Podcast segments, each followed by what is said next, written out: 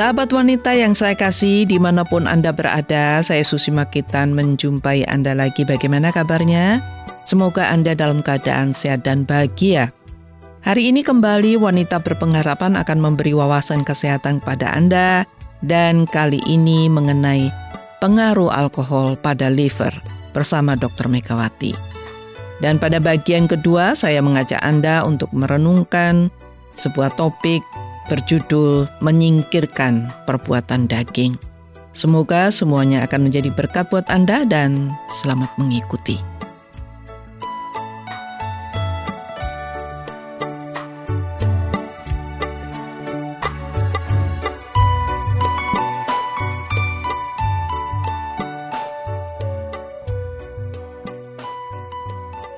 Sahabat, Siapa yang tidak tahu bahwa liver atau hati merupakan organ penting untuk kesehatan dan kelangsungan hidup kita.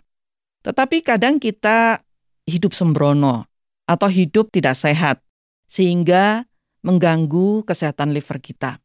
Nah, hari ini saya mengajak Anda untuk menambah ilmu kesehatan mengenai pengaruh alkohol pada kesehatan liver kita. Saya akan berbincang-bincang mengenai hal itu dengan Dr. Megawati, yang saat ini sudah bersama dengan saya. Apa kabar dok hari ini dok? Sehat-sehat saja Bu Sehat Susi. ya. Nah dok sebelum kita tahu apa pengaruh buruk alkohol pada liver kita, boleh dokter jelaskan terlebih dahulu mengenai fungsi liver itu apa saja dok? Ya, liver atau organ hati itu letaknya di sebelah kanan ya. Mm -mm. Kanan, kanan di bawahnya ya. paru-paru mm -mm. begitu mm -mm. dan besar organ ini organ terbesar, terbesar di seluruh ya? tubuh karena hmm. dia beratnya bisa sampai satu setengah kilo. Oh, nah, gitu. fungsinya juga luar biasa karena dia adalah fungsinya hati atau liver hmm. itu menetralisir dan menawarkan racun. Oh. Jadi semua racun yang itu masuk di dalam tubuh itu dinetralisir, ya? dinetralisir oleh hati. Hmm. Dia juga mengatur sirkulasi hormon. Hmm. Hormon ini kan dibutuhkan untuk semua metabolisme di dalam tubuh. Mm -mm, Dia mengatur komposisi darah yang mengandung mm -mm. lemak, gula, protein. Dan juga hati itu membuat cairan yang membantu pencernaan lemak. Oh. Cairan empedu itu produksinya dari hati. Dari hati ya. Ya, dia untuk menghancurkan ini ya eh, lemak-lemak supaya bisa dicerna hmm. begitu. Nah, di hati itu juga tempat menghancurkan sel darah merah hmm. yang sudah tua. Hmm. Jadi umur sel darah merah kita itu 120 hari. Oh. Kalau dia oh. sudah umurnya sudah tua, sudah selesai hmm. umurnya, itu dihancurkannya di hati. hati. Oh. Karena waktu dihancurkan itu jadi HB-nya ini atau zat besinya tetap diambil oleh hati. Semua metabolisme protein, metabolisme lemak itu hmm. ada di hati. Di hati ya. Jadi hati ini sangat penting sangat ya. penting karena dia fungsinya ya mm -mm. dan dia juga menyimpan nutrisi ya Bu Susi mm -mm. ada menyimpan mm. uh, vitamin gitu oh, tuh di hati gitu. semua. Oh. Nah, sekarang apa gejala yang timbul yang bisa kita rasakan bila hati kita atau liver kita terganggu, Dok? Kalau liver terganggu itu sangat khas, jadi biasanya warnanya kuning atau kita sakit kuning, mm, bisa mual, muntah. Mm -hmm. Dan yang khas lagi kalau kita buang air besar tinja kita berwarna pucat putih. Oh, begitu ya. Pucat putih itu berarti ada kelainan pada pada liver, pada liver kita. Oh, ya. Nah, sekarang kita bicara pengaruh buruk alkohol pada liver kita itu apa saja, Dok? Ya, kita tahu ya bahwa alkohol ini di dalam tubuh dirubah menjadi asetaldehid. Artinya dia adalah zat beracun. Hmm. Alkohol ini zat beracun yang bersifat karsinogen. Bersifat hmm. karsinogen itu bisa bersifat e, menjadi kanker hmm. atau merusak hati. Nah, pada hati kalau kena alkohol ini hatinya menjadi keras. Hmm. Nah, setelah keras dia menimbulkan yang namanya perlemahan hati atau fatty liver. Hmm. Terkenal sekali pada peminum alkohol itu adalah fatty liver. Hmm. Jadi livernya itu penuh dengan lemak, oh. perlemahan hati. Nah, perlemahan hati ini lama-lama bisa menjadi sirosis hepatis, hmm. sirosis hati, atau setelah timbul lemak ada jaringan parut hatinya mengecil. Oh, begitu. Kalau sirosis hepar atau hatinya sirosis itu fungsinya terganggu, mm -mm. dia bisa muntah darah. Oh. Ada varises di seluruh tubuh. Mm -mm. Nah, ini begitu hampir ya? sebenarnya mm -mm. hampir sama dengan infeksi karena hepatitis, mm. khususnya hepatitis virus mm -mm, mm A, B ataupun C. Mm -mm. Jadi eh, apa namanya yang terjadi pada hati hampir sama. Hampir sama ya, karena alkohol itu ya. Mm -mm. Mm -mm. Begitu. Nah ini dok ada orang yang levernya tuh oke-oke saja walaupun dia minum alkohol, tetapi ada orang yang langsung sakit gitu. Nah apa sih yang membedakan ini? Apakah dosisnya atau terlalu seringnya iya. orang atau orang itu sendiri dok? Ya pasti Memang... karena ya sedikit jumlahnya ya, mm-hmm. jumlahnya, keseringannya oh, begitu. gitu ya. Itu yang membedakan ya. Yang membedakan kalau menurut saya sih. Mm-hmm. Kalau levernya ya bayangkan kalau dia fungsinya menawarkan racun, mm-hmm. yang diminum setiap hari racun. Lama-lama kan ya, levernya, mesti ya, ya rusak. Rusak ya. Hanya kadang-kadang mm. begini ya, rusak itu tidak dalam hitungan hari. Tapi oh, hitungannya itu tahun. Bisa tahun ya, Lima, sepuluh, dua puluh hmm, tahun. Jadi orang dari merasa perlemahan apa -apa hati, gitu ya. Iya, hmm, perlemahan hati, terus sirosis, hmm, bisa juga akhirnya jadi kanker hati itu lama, lama ya? prosesnya. Ya? Hmm. sampai dua puluh tahun. Jadi orang kadang-kadang ah ya oke-oke saja. Hmm. Saya minum alkohol loh nggak apa-apa gitu. Iya. Tapi sebenarnya kalau dia yang... mau periksa hmm, USG, biasanya sudah ada perlemakan hati, oh, setidaknya pada ya? lima tahun pertama. Hmm begitu ya dok ya. Nah sekarang bagaimana kita mengetahui bahwa liver kita itu timbul gejala dan itu karena alkohol? Ya kalau karena alkoholnya itu mesti harus tanya ya. Mm -mm. Karena hampir semua penyakit itu sama semua gejalanya. Sama kalau misalnya liver sudah terganggu karena apa pun, karena gejalanya apa, sama ya. Sama. Jadi hmm, misalnya ini oh ternyata oh, saya saya bukan peminum alkohol ya berarti hepatitis virus. Hmm, ya, itu ya. ya. Hmm, Tapi kalau misalnya saya minum alkohol ya berarti ya bisa jadi karena alkohol, alkohol. pasti ya. Hmm, Tapi kalau misalnya karena dia minum alkohol hatinya jadi tidak sehat, virus lebih mudah untuk menginfeksi. Bisa dua-duanya. Bisa dua-duanya gitu. ya dok. Nah ya? untuk melihat fungsi liver kita tuh sebenarnya gampang kok. Banyak pemeriksaan hmm. uji fungsi untuk liver itu banyak. Banyak ya, Di lab ya? kan darahnya hmm. untuk lihat fungsi-fungsinya. Jadi kita bisa datang ke lab, mm -mm. laboratorium hanya untuk, untuk mengecek liver saya nih sehat iya, apa enggak. Itu uji mereka fungsi, sudah ini ya. Sudah hmm. ada banyak sekali yang hmm. harus diperiksa enzim-enzimnya. Oh, begitu. Dan untuk lihat fatty liver ya USG. Hmm. USG atau yang kalau yang tinggal di kota punya uang banyak MRI hmm, gitu MRI itu, gitu nah, itu lebih lebih iya semuanya, ya, semuanya gampang banyak kok. sekali kalau gitu ya dok ya iya Nah sekarang bagaimana cara menyembuhkan liver kita yang mengalami pengaruh buruk dari alkohol ini bagaimana? Apakah masih bisa di? Enggak bisa lah. Enggak bisa ya? Pengaruh buruk alkohol ya tergantung sih sebenarnya. Kalau cuma sedikit-sedikit masih dalam uh, apa namanya sampai di perlemakan hati atau fatty liver mungkin masih bisa lah. Bisa tidak menjadi buruk, mm -mm. tapi balik menjadi baik sekali tidak bisa. Tapi memang organ hati adalah satu-satunya organ yang bisa tumbuh, Bu Susi. Oh. Satu-satunya ya? organ yang bisa tumbuh. Bisa tumbuh iya. ya. Mm Jadi kalau misalnya saraf nih ya rusak, mm ya sudah rusak. Mm, tapi, tapi hati, hati yang rusak tumbuh. itu masih bisa tumbuh. Jadi gitu itu hati ya, itu ya? keistimewaannya seperti itu. Mm. Cuma ya apakah terus nanti bisa balik lagi saya nggak tahu. Cuma -hmm. kalau pengaruh buruk kita ngomongkan buruk itu -hmm. sudah dalam waktu lama. Biasanya tidak balik, tidak, tidak reversible hmm. ya. Karena itu yang membuat kita ini harus hati-hati. Hmm. Dalam hidup ini hati-hati untuk memilih apa yang kita minum, apa yang kita makan. Hmm. Karena kadang-kadang apa yang kita minum itu menyebabkan kerusakan yang hmm. tidak bisa balik lagi. Tidak bisa balik lagi gitu ya, Dok hmm. ya. Nah, sekarang bagaimana caranya nih, Dok? Mm agar liver kita tidak terganggu pada saat kita minum alkohol. Ya, Apakah ada caranya ini tuh? Ya nggak ada caranya lah. Caranya ya minum alkohol jangan banyak-banyak. Oh, jangan banyak-banyak Kadang minum ya. alkohol itu untuk melancarkan pencernaan, mm untuk membuat kalau kita di daerah dingin, pegunungan, mm kita naik gunung minum untuk menghangatkan itu tidak apa-apa. Mm-hmm. Tapi kalau misalnya gimana ya dok ya supaya tidak terganggu nih, tapi saya tetap boleh minum alkohol seenaknya, tidak bisa. Tidak bisa ya. Tidak bisa. Karena tadi dokter sudah jelaskan itu adiktif ya dok ya. Jadi adiktif dia. Pasti kita ingin minum lebih banyak lagi. Ya, Dan seperti itu, rokok lah. Iya. Tanyakan orang yang rokok gitu ya. Tanyakan oh, orang yang rokok. Disuruh berhenti tuh, waduh luar biasa luar susahnya. Biasa, Apalagi betul. alkohol. Makanya kenapa di luar negeri luar negeri itu kita lihat ya banyak sekali mm -mm. pemabuk, ada mm -mm. sampai ada perkumpulan-perkumpulan mm -mm. orang orang supaya bisa lepas dari ketergantungan mm-hmm, alkohol. Betul, dia betul. dapat poin kalau lepas mm-hmm. satu bulan, lepas mm-hmm. dua bulan, ada mm-hmm. yang lepas dua tahun, tapi balik lagi. Balik gitu. lagi. Sulit sekali. Tergantung pada diri kita. Iya. Pokoknya kalau tidak mau organ tubuh kita terganggu, ya, ya jangan, minum, minum alkohol, alkohol gitu ya dok ya. ya. Baik dok, terima kasih banyak untuk penjelasan dan wawasan mengenai pengaruh alkohol pada liver kita. Dan sampai jumpa di program berikutnya ya dok ya. Sampai jumpa Bu Susi.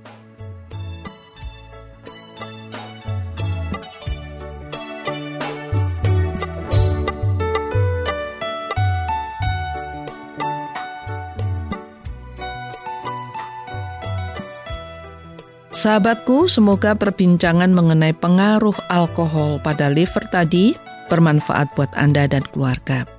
Dan tetaplah bersama wanita berpengharapan karena sesaat lagi kita akan bersama-sama merenungkan pelajaran rohani mengenai perbuatan daging.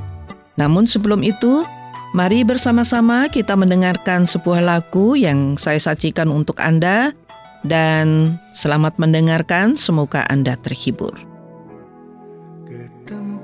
kudusmu Di mesbahmu ku serahkan seluruh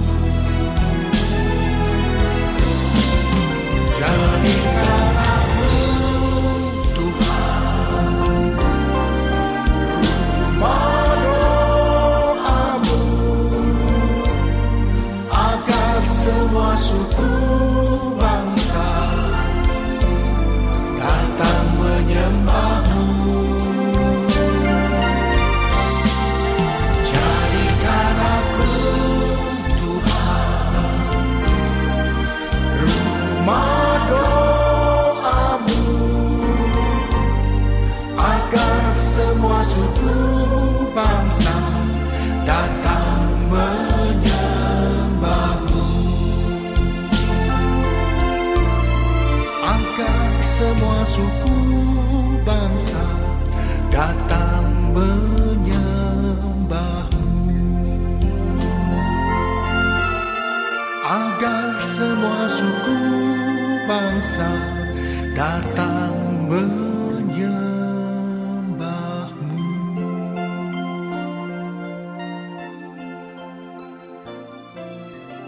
Sahabat, hari ini saya ingin membacakan sebuah nasihat dari Tuhan untuk Anda dan untuk saya juga.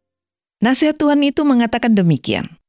Janganlah kamu menjadi serupa dengan dunia ini, tetapi berubahlah oleh pembaruan budimu, sehingga kamu dapat membedakan manakah kehendak Allah, apa yang baik, yang berkenan kepada Allah, dan yang sempurna. Sekali lagi, mari kita dengarkan nasihat firman Tuhan untuk kita hari ini. Janganlah kamu menjadi serupa dengan dunia ini, tetapi berubahlah oleh pembaruan budimu, sehingga kamu dapat membedakan manakah tanda Allah yang baik, yang berkenan kepada Allah, dan yang sempurna. Anda bisa mendengar dengan jelas bahwa Tuhan mengatakan, "Janganlah kamu serupa dengan dunia ini." Mengapa kita tidak boleh serupa dengan dunia ini padahal kita tinggal di dunia ini? Ini pertanyaan yang sering ada dalam pikiran kita. Sebenarnya apa yang ada di dunia ini? Mari kita membaca satu firman Tuhan yang berbicara mengenai apa yang ada di dunia ini. Firman Tuhan mengatakan, Sebab semua yang ada di dunia ini, yaitu keinginan daging dan keinginan mata, serta keangkuhan hidup, bukanlah berasal dari Bapa, melainkan dari dunia. Sahabat, yang ada di dunia ini adalah perbuatan daging dan keinginan mata serta keangkuhan hidup. Dan itu bukan berasal dari Allah Bapa di surga, melainkan dari dunia ini. Nah mungkin kita sekarang bertanya lagi, apa sih perbuatan daging? Kembali saya akan mengajak Anda untuk membaca bagian firman Tuhan yang menjelaskan apa itu perbuatan daging. Firman Tuhan mengatakan, perbuatan daging telah nyata yaitu percabulan, kecemaran, hawa nafsu, penyembahan berhala, sihir, perseteruan, perselisihan, iri hati, amarah, kepentingan diri sendiri, roh pemecah, kedengkian, kemabukan, pesta pora, dan sebagainya. Terhadap semuanya itu kuperingatkan kamu, seperti yang telah kubuat dahulu. Bahwa barang siapa melakukan hal-hal demikian, ia tidak akan mendapat bagian dalam kerajaan Allah. Sahabat, semakin jelas bukan bahwa Bila kita serupa dengan dunia, berarti kita melakukan semua atau salah satu atau mungkin beberapa dari perbuatan daging yang disebutkan oleh firman Tuhan tadi, seperti pencabulan, kecemaran, amarah, kepentingan diri sendiri, pesta pora, dan sebagainya. Semua perbuatan itu bertentangan dengan kehendak Allah. Semua perbuatan itu dilarang oleh Allah. Lalu apa akibatnya bila kita tidak menghiraukan nasihat firman Tuhan ini? Bagaimana jika kita tidak taat kepada perintah Allah ini? Mari sekali lagi kita membaca ayat yang menjelaskan perbuatan daging. Yang tadi kita baca tadi. Bahwa perbuatan daging itu nyata sahabatku. Yaitu semua perselisihan pecah bulan, kemabukan, pesta pora, iri hati, amarah, dan sebagainya. Kalimat terakhir dari firman Tuhan itu mengatakan, Terhadap semuanya itu kuperingatkan kamu, seperti yang telah kubuat dahulu, bahwa barang siapa melakukan hal-hal demikian, ia tidak akan mendapat bagian dalam kerajaan Allah. Kita tidak akan mendapat bagian dari kerajaan Allah bila kita melakukan perbuatan daging. Itu sudah jelas yang dikatakan oleh firman Tuhan tadi. Sahabat, saya yakin Anda tidak menginginkan itu bukan? Anda tentu tidak menginginkan Anda jauh dari kerajaan Allah bukan? Anda ingin berada di surga, yaitu kerajaan Allah.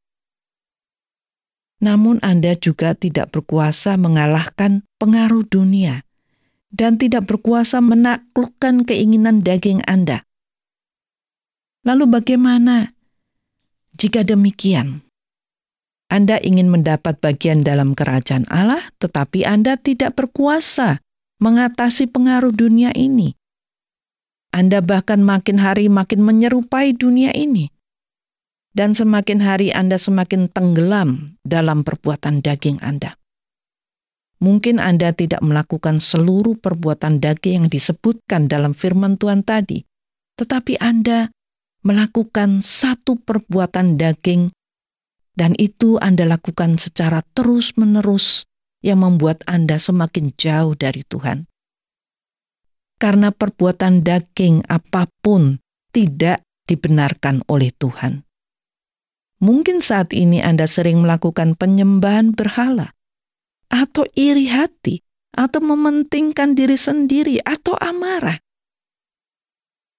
Dan kini Anda menyadari bahwa itu tidak berkenan kepada Tuhan, dan itu membuat Anda kelak tidak akan mendapat bagian dalam kerajaan Allah.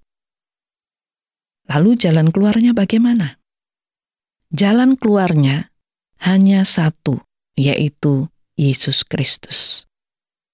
Firman Tuhan mengatakan, "Jadi, siapa yang ada di dalam Kristus, ia adalah ciptaan baru.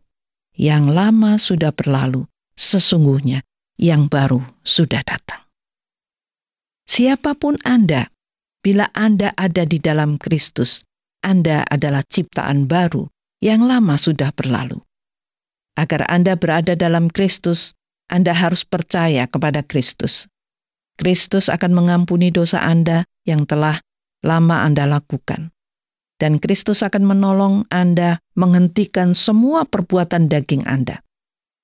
Bila Anda menghentikan semua perbuatan daging Anda, Anda tidak lagi serupa dengan dunia ini. Anda tidak lagi bertentangan dengan Tuhan. Bahkan semakin hari, Anda akan dimampukan oleh Yesus Kristus untuk mengalahkan godaan dunia ini. Dan seperti janji Tuhan tadi, bahwa bila Anda tidak serupa dengan dunia ini, Anda akan mendapat bagian dalam kerajaan Allah. Nah, sahabatku, inilah saatnya Anda melihat diri Anda sendiri. Apakah Anda sebagai makhluk yang serupa dengan Tuhan, atau makhluk atau manusia yang serupa dengan dunia ini? Bila memang Anda mendapati diri Anda banyak melakukan perbuatan daging, segera datang kepada Yesus Kristus. Mohon ampun kepadanya, dan biarlah Yesus Kristus hidup dalam diri Anda. Perhatikan apa yang terjadi dalam diri Anda setelah Anda ada di dalam Yesus Kristus. Pasti Anda akan melakukan hal yang bertentangan dengan perbuatan daging. Anda akan melakukan perbuatan kasih seperti Kristus adalah kasih. Perbuatan kasih ialah kesabaran, kelemah lembutan, kemurahan. Perbuatan kasih ialah tidak mementingkan diri sendiri dan tidak menguntungkan diri sendiri, tidak sombong, tidak pemarah, dan tidak menyimpan kesalahan orang lain. Sahabatku, harapan saya setelah Anda merenungkan firman Tuhan yang kita dengar bersama tadi, Anda bisa mengambil keputusan untuk meninggalkan perbuatan daging Anda dan segera mengakhiri perbuatan daging Anda dan Anda segera melakukan perintah Yesus Kristus, yaitu kasih. Ingatlah nasihat dan perintah Tuhan Yesus, jangan serupa dengan dunia ini, melainkan mengarahkan diri serupa dengan Kristus yang adalah kasih. Tuhan memberkati Anda. Amin.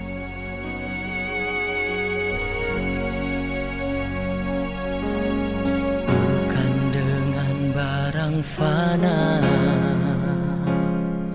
Kau membayar dosaku Dengan darah yang mahal Tiada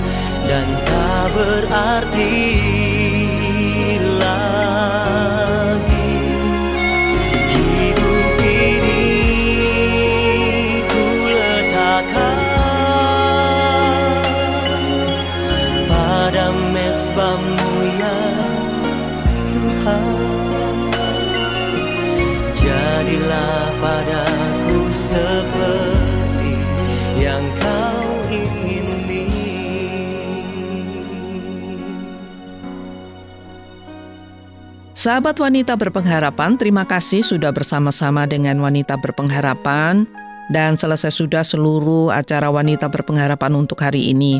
Semoga bermanfaat buat Anda dan juga buat keluarga yang Anda cintai. Dan bila Anda ingin menanggapi acara ini atau ingin membagikan pengalaman hidup Anda bersama Tuhan, langsung saja hubungi wanita berpengharapan melalui SMS atau WA ke nomor 081 333 777 386. Saya ulangi nomor 081 333 777 386. Akhirnya saya Susimon pamit dan sampai jumpa.